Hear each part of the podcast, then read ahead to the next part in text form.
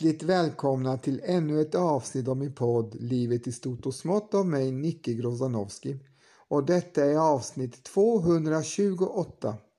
Och vi ska fortsätta den resa vi påbörjade i föregående avsnitt där vi ska belysa människans utveckling och evolution. Och i detta avsnitt så gör släktet Homo entré. Släktet Homo är ett släkte primater inom familjen människoapor med en nu levande art, människan eller den moderna människan som kallas för Homo sapiens. Det äldsta fossilet av släktet Homo är en 2,8 miljoner år gammal underkäke som presenterades i forskningspublikationer 2015. Platsen var i ett öppet landskap med gräs, buskar och lite skog i närheten av en sjö med flodhästar, krokodiler och fisk. Fyndet gjordes i samma del av Etiopien som det 3,2 miljoner år gamla fyndet Lucy upptäcktes, vilket ger stöd för hypotesen att släktet Homo kan ha utvecklats från arten Australopithecus afarensis i släktet Australopithecus, som Lucy tillhörde. Släktet Homo hade större hjärna och är längre än Australopithecus. De äldsta stenverktyg som har hittats är från ungefär samma tid för cirka 2,6 miljoner år sedan i Etiopien.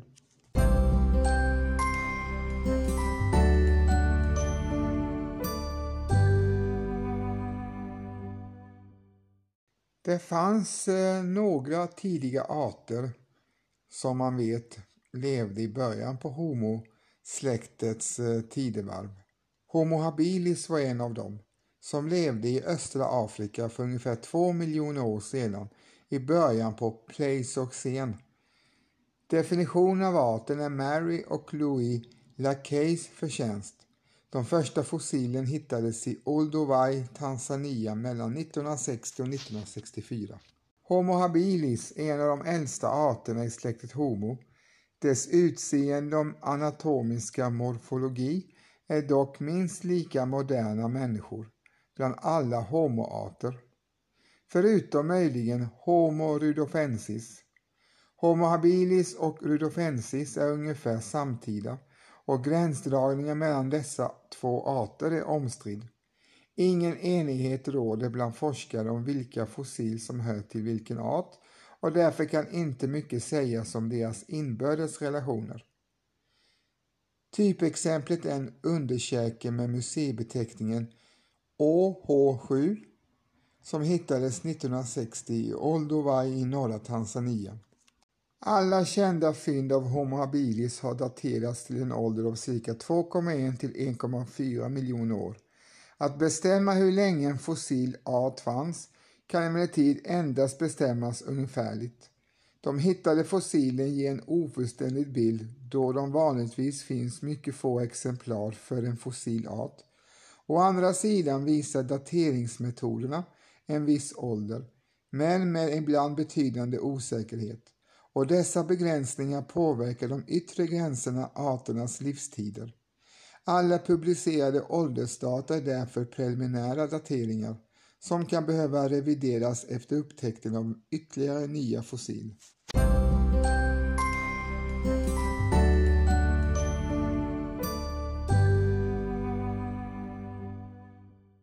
Förutom fynden från Olduvai, Georgien i Tanzania har flera fossiler från den östra stranden av Turkanasjön i Kenya tillskrivits Homo habilis, inklusive det delvis bevarade skelettet KNM ER3735 hittat i Kobi Fora vid nordöstra Turkanasjön och överkäken AL666-1 hittade i Hadar i Etiopien 1975 samt sydafrikanska fynd från Sterkfontein, skallen STW53 och svartkransfragment av skallen SK847 tillskrivits arten. Från tiden för omkring två miljoner år sedan kom också fossilen av Homo rudolfensis. Hittills har dock inga sammanhängande fynd av ben av huvud och käkar med artens armar och ben upptäckts. Kroppsbyggnaden av Homo rudolfensis under huvudet är därför osäker. Emellertid har samma lagerserie där skallbenen av Homo rudolfensis har hittats också upptäckts ett flertal fossil och ett bäcken som uppvisar skillnader gentemot Homo habilis och troligen hör samman med Homo rudolfensis. En klar avgränsning av Homo habilis och Homo rudolfensis är för närvarande utesluten eftersom denna distinktion måste baseras på en jämförelse av typproverna av båda arterna. En sådan jämförelse är dock inte möjlig eftersom OH7 är en tandad underkäke och typprov av Homo rudolfensis är en tandlös skalle med delvis bevarad överkäke.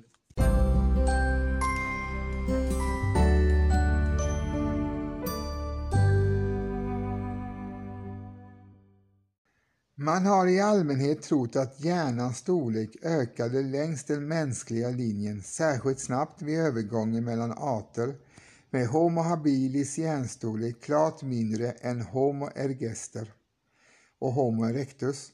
Storleken antogs ha ökat från cirka 600 till 650 kubikcentimeter i Homo habilis till cirka 900 till 1000 kubikcentimeter i Homo ergaster och Homo erectus.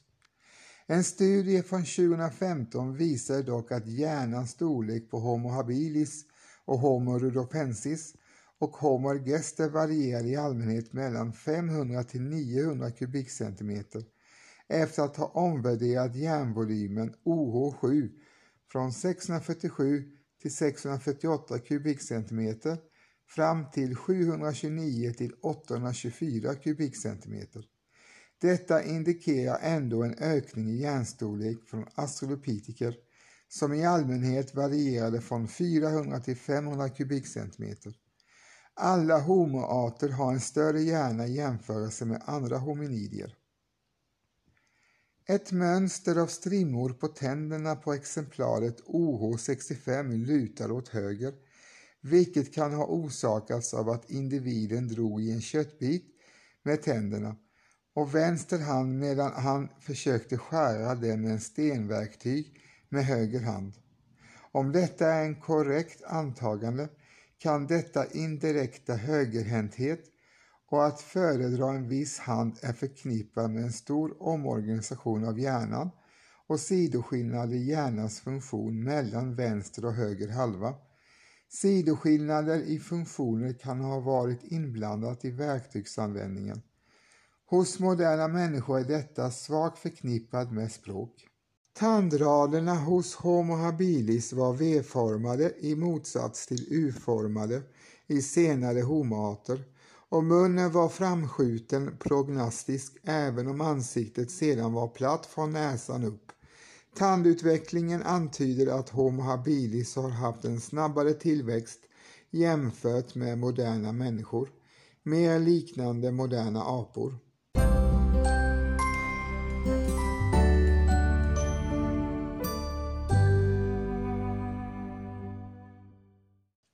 Baserat på de fragmentariska skeletten OH62 som är en förmodad hona och KLM-ER3735 som är en förmodad hane har Homo habilis kropp ansetts vara mer aplika än till och med den tidigare Australopithecus afarensis och att den överensstämmer med en åtminstone delvis trädlevande livsstil i skogen som också antas för Australopithecus.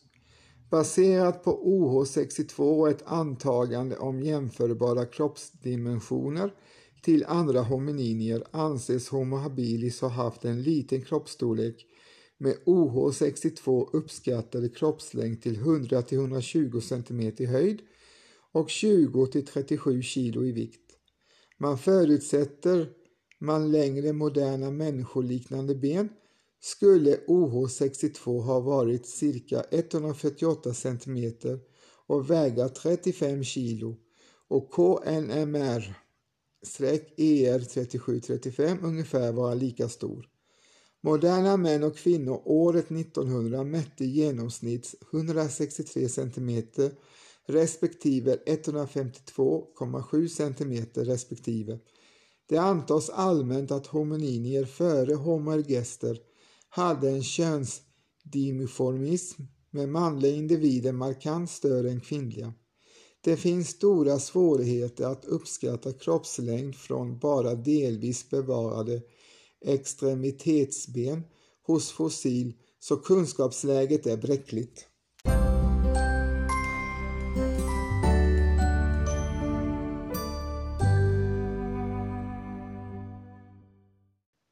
Armarna på Homo habilis och Australopithecus har i allmänhet ansetts vara långa och anpassade för klättring.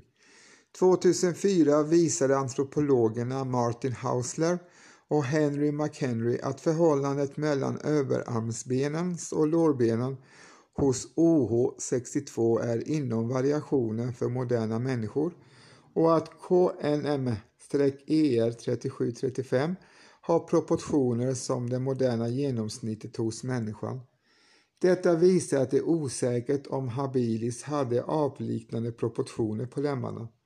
Måtten på överarmsbenet på OH62 var 25,8 till 27,0 cm långt och ullna i underarmen var 24,5 till 25,5 cm, vilket är nära måtten hos schimpanser. Handbenen hos fossilet OH7 ger möjlighet för precisionsgrepp som är viktigt i fingerfärdighet och som är anpassningsbart för klättring.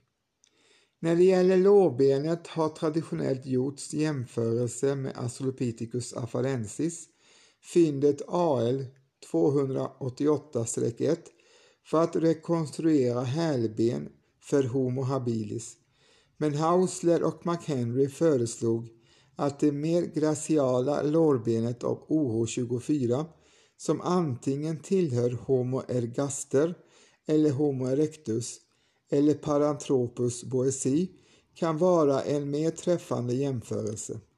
I så fall skulle Homo habilis ha haft längre människoliknande ben och ha varit effektiv i att förflytta sig på långa avstånd. Tjockleken på extremitistbenen hos OH62 liknar mer schimpanser än Homo ergestar och Homo erectus och moderna människor. Detta kan indikera olika bärförmågor och benen är mer lämpliga för trädlevande hos Homo habilis.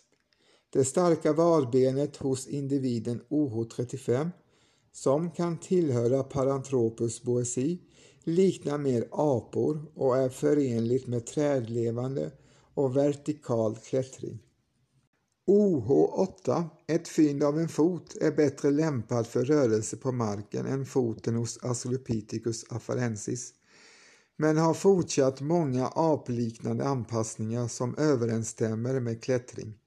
Foten har emellertid stortåben utan grepp och komprimerande mellanfotsled en struktur som begränsar rotationen mellan foten och fotleden.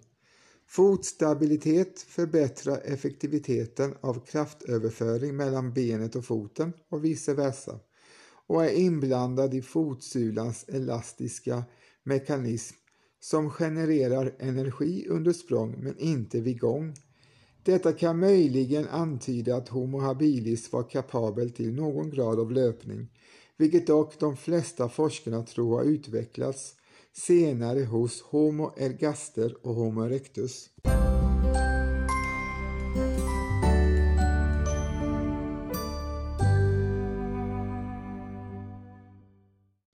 Typiskt anses Homo ergaster och Homo erectus ha varit den första människan som har levt i ett monogamt samhälle och alla föregående homininier var pylogynamiska. Det är dock mycket svårt att spekulera med något förtroende gruppdynamiken hos tidiga homininier. Graden av sexuell dimorfism och storleksskillnad mellan män och kvinnor används ofta för att korrelera mellan polygama grupper med stor storleksskillnad och monogama grupper med en liten skillnad i storlek. Könsdimorfism är svår att bestämma till storleken eftersom den tidiga anatomin hos hominidier är dåligt känd och baseras på få exemplar. I vissa fall bestäms kön hos fossil godtyckligt till stor del baserat på upplevd storlek och robusthet. Ofta saknas mer tillförlitliga element i könsidentifiering, nämligen bäckenet. Tandanatomin hos tidiga hominidier är mosaikanatomi med olika egenskaper som inte finns hos moderna primater. De förstorade kindtänderna kan vara uttryck för markant storleksrelaterad könsdimiformism och därmed en grupp med hanar i konflikt om partner och polygama relationer. Men de små höntänderna indikerar motsatsen. Andra selektiva tryck, inklusive kosten, kan påverka tändernas anatomi. Beteendet hos tidiga Homo, inklusive Homo habilis, modelleras ibland från savannschimpanser och babianer. Deras samhällen består av flera hanar för att försvara gruppen i den farliga och utsatta livsmiljön på savannen. Ibland engagerar dessa hanar sig i uppvisning med att kasta pinnar och stenar mot fiender och rovdjur. 1993 uppskattade Leslie C. Ailo och Robin Dunbar Homo habilis gruppstorlek till 70-80 medlemmar baserat på jämförelse med schimpans och babiangrupper. Språkutvecklingen i dessa grupper stimulerades av kommunikationsbehovet inom gruppen och stimulerade utveckling av neocortex.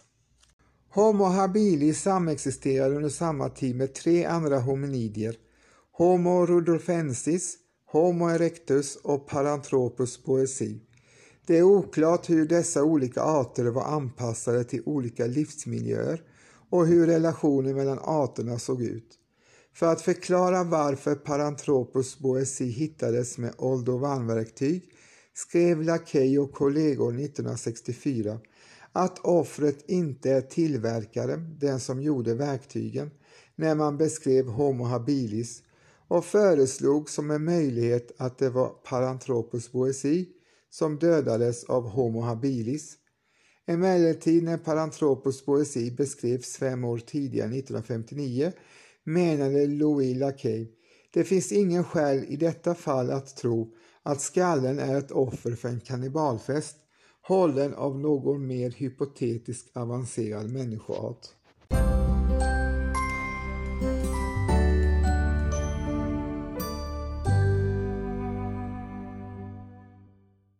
Man antar att Homo habilis kom över kött från att rensa kadaver snarare än vid jakt.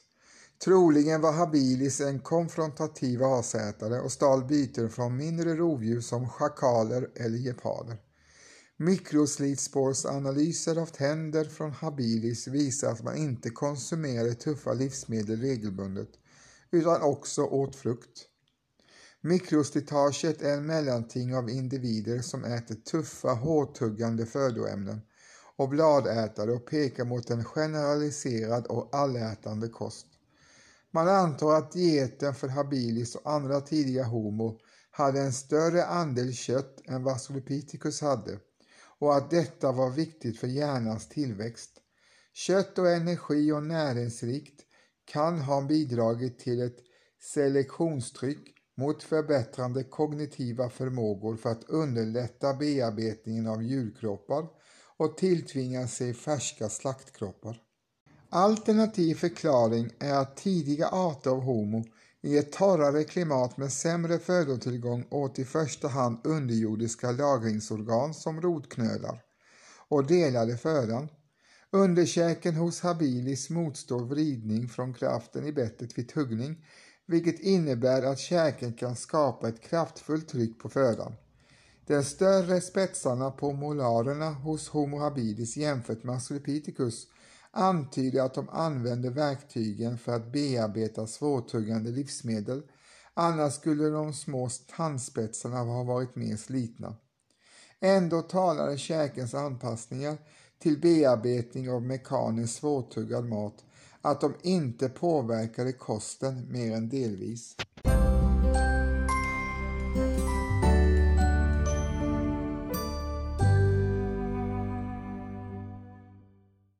Homo habilis anses ha tillverkat och använt verktyg tillverkade av runda stenar där stenflisor slogs bort, den så kallade Oldovan-kulturen. Även om dessa verktyg var primitiva så var de mer avancerade än några verktyg som hade funnits innan dess. Dessa verktyg gav Homo habilis möjlighet att leva i miljöer som tidigare hade varit för fientliga för primater. Det är fortfarande kontroversiellt huruvida Homo habilis var den första hominidien som tillverkade stenverktyg. Bland annat har upptäckten av en 2,6 miljoner år gamla fossil av Australopithecus gari tillsammans med stenverktyg, som alltså är äldre än den äldsta Homo habilis-fyndet, satt det påståendet på spel. I termer av socialt samspel är de flesta experter eniga om att intelligensen hos Homo habilis var högre än hos typiska Australopithecus och schimpanser. Homo habilis använde stenverktyg men var inte en skicklig jägare, som Homo erectus senare skulle bli. Homo habilis använde huvudsakligen sina stenverktyg som en köttyxa för att få loss kött från kadaver snarare än att använda dem för jakt eller försvar. Det är inte fullt klarlagt om habilis jagade eller bara åt as. Däremot finns det rikliga fossila bevis för att Homo habilis var ett byte för stora rovdjur som till exempel Dinofelis, ett stort kattdjur liknande dagens leopard. Den bevarande foten av OH8 verkar ha skadats av en krokodil OH35 som endera hör till Paranthropus boesi eller Homo habilis visar tecken på att ha ätits av en leopard. Homo habilis och andra samtida hominidier var troligen byte för andra stora köttätare vid denna tid. I Olduvai var jakthyenan Chasmaprotetes nitudula och de sabeltandade katterna Dinofelis och Megantherion troliga predatorer. Homo habilis samexisterar tillsammans med många andra hominidier, tvåfotade primater som till exempel Paranthropus poesi, som även den var mycket framgångsrik i flera hundratusen år. Däremot var Homo habilis annorlunda på två sätt. Den använde och tillverkade tidiga stenverktyg och den hade en annan diet än Paranthropus poesi. Det finns en diskussion om huruvida Homo habilis kan klassas som tillhörande släkt Homo eller inte. Liksom Rudolfensis saknar Homo habilis många av de kännetecken som är unika för senare hominidier, som till exempel slanka höfter för långdistansvandring, ett sofistikerat svettningssystem, smalare bäcken och längre ben än armar. En del forskare anser Homo habilis och dess nära släkting Homo rudolfensis vara mer apen människolika, trots deras större hjärna och upprätta gång och anser därför att klassificeringen som en del av släktet Homo borde tas under omprövning.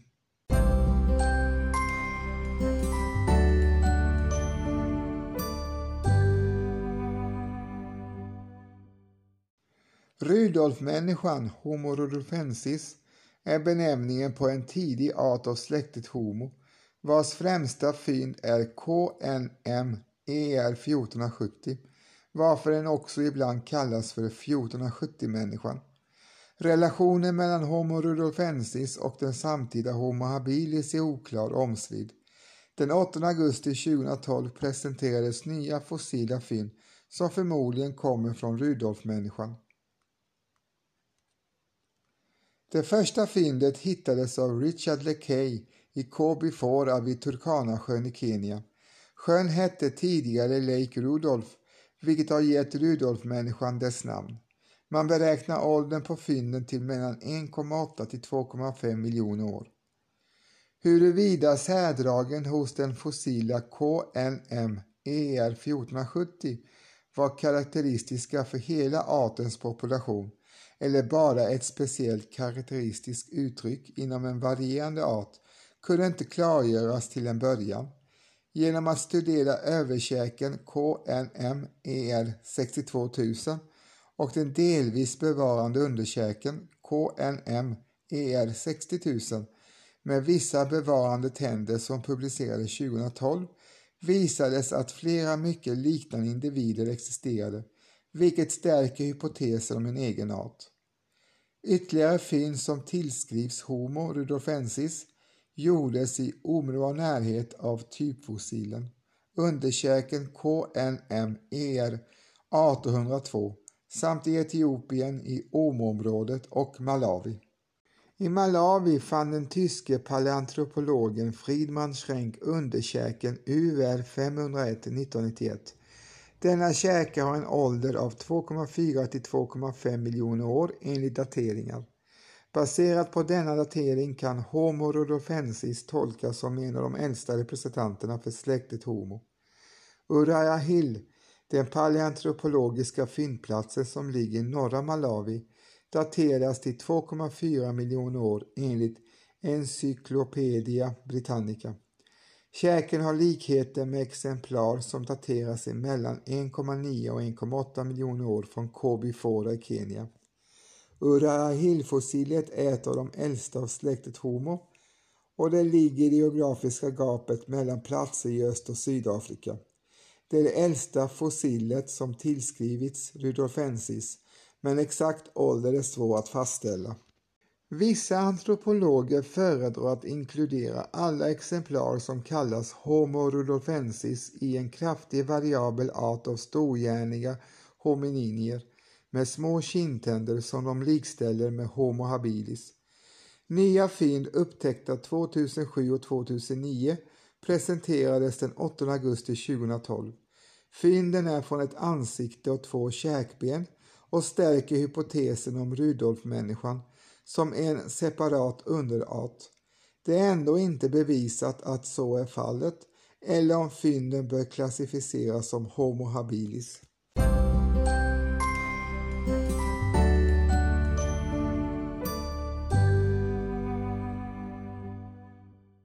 Homo rudolfensis kroppslängd är svår att uppskatta då extremitetsben som säkert kan knytas till arten saknas, men järnvolymen kan uppskattas till mellan 600 och 800 kubikcentimeter.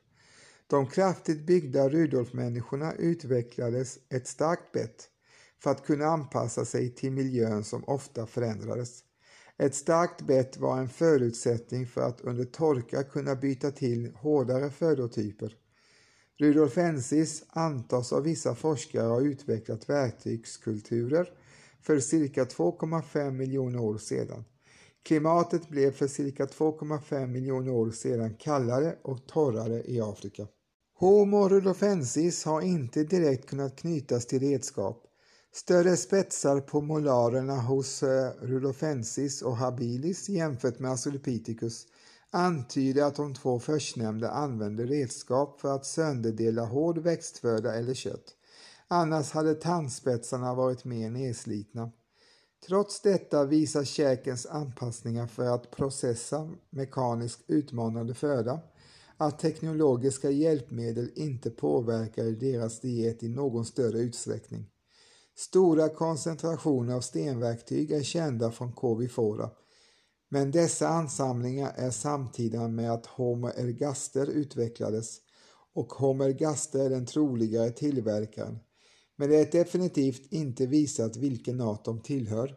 För Urophensis, habilis och Paranthropus boesi är också hittade i samma område under samma tid. Det äldsta fossilet av Homo, LD 350-1, associeras med redskap av Oldovan-typ. Med skarpkantade stenar kunde de tidiga homoarterna skära upp kadaver och kroppar och därmed utnyttja helt nya näringskällor.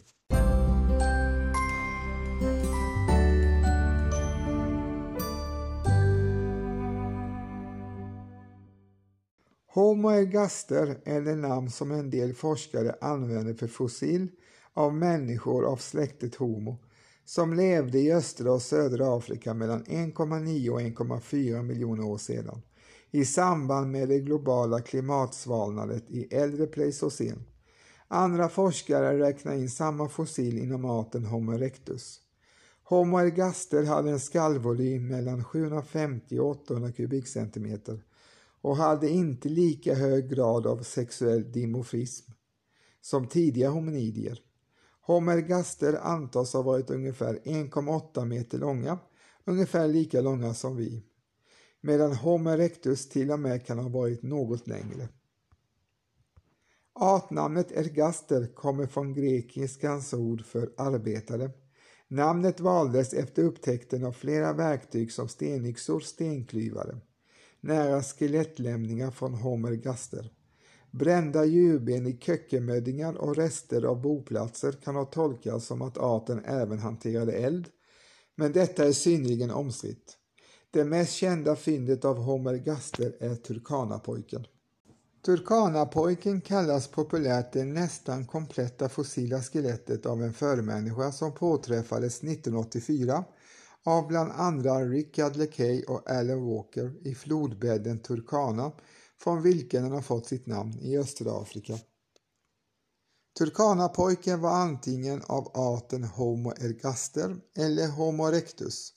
Tidigare fynd av lämningar av Homo ergaster har varit få och icke kompletta. Man har endast hittat bitar av kranier och bitar av kroppar. Homo erectus var bättre känd, men inte heller av den arten har ett så komplett skelett hittats tidigare. Turkanapojkens skelett var nästintill komplett och svarade på många frågor som forskare haft om människans tidigaste förfäder. Pojken levde för omkring 1,5 miljoner år sedan och var en upprättgående individ som var längre än vad forskarna tidigare trott om våra förfäder från den tiden. De hade tidigare trott att de inte var längre än cirka 165 centimeter långa. Men här fann man en ung pojke som redan var längre än så och som rimligtvis skulle ha blivit runt 180 centimeter lång om han hade kommit upp i vuxen ålder. Skelettet nedanför halsen är allt väsentligt likadant som nutida människors, men skallen skiljer sig på flera punkter.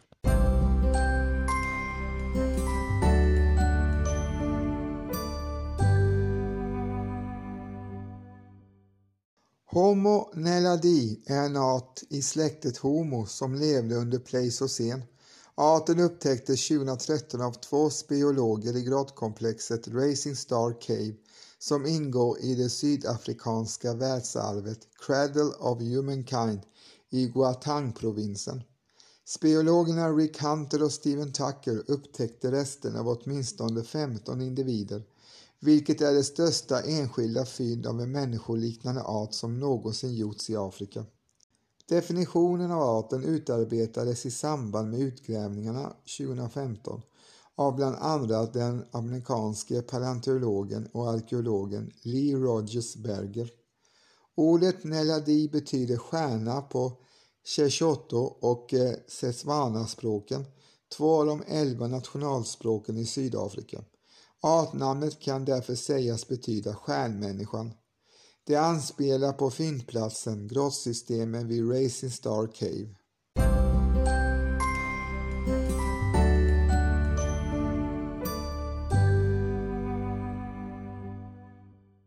Ja, då har ni alltså fått höra del två i min miniserie om människans evolution. Och i detta avsnitt har alltså Homo-släktet gjort sin entré på evolutionslinjen och jag har beskrivit arterna Homo habilis, Homo rudolfensis, Homo ergaster och Homo neladi. Och eh, det är faktiskt så att de här arterna som jag också har nämnt tidigare några gånger har samexisterat med varandra. Så det är ganska fascinerande att tänka sig att det har funnits flera arter av människor samtidigt. Och i nästa avsnitt ska vi bekanta oss med ytterligare en art nämligen den mer välkända Homo erectus. Mer om det i nästa avsnitt. I avsnittets början fick ni höra Carl Michael Bellman och hans fjärilvingar syns på Haga, även kallad för Fredmans sång nummer 64. Och som avslutning får ni höra gruppen Gotthard med Par Deus. Min podd utkommer i regel en gång i veckan och då som oftast på helger men det kan förekomma även andra dagar på grund av olika skäl. Så håll utkik. Och tack för att du lyssnade på det här avsnittet. Och eh, medan eh, du väntar på nästa avsnitt kan du botanisera på mina tidigare släppta avsnitt. Och för att inte missa när kommande släppta avsnitt släpps så prenumerera gärna på min podd Livet i stort och smått. så missar du inte när nya avsnitt släpps. Tack än en gång för att du lyssnade. På återhörande. Var rädda om er där ute. Hej då!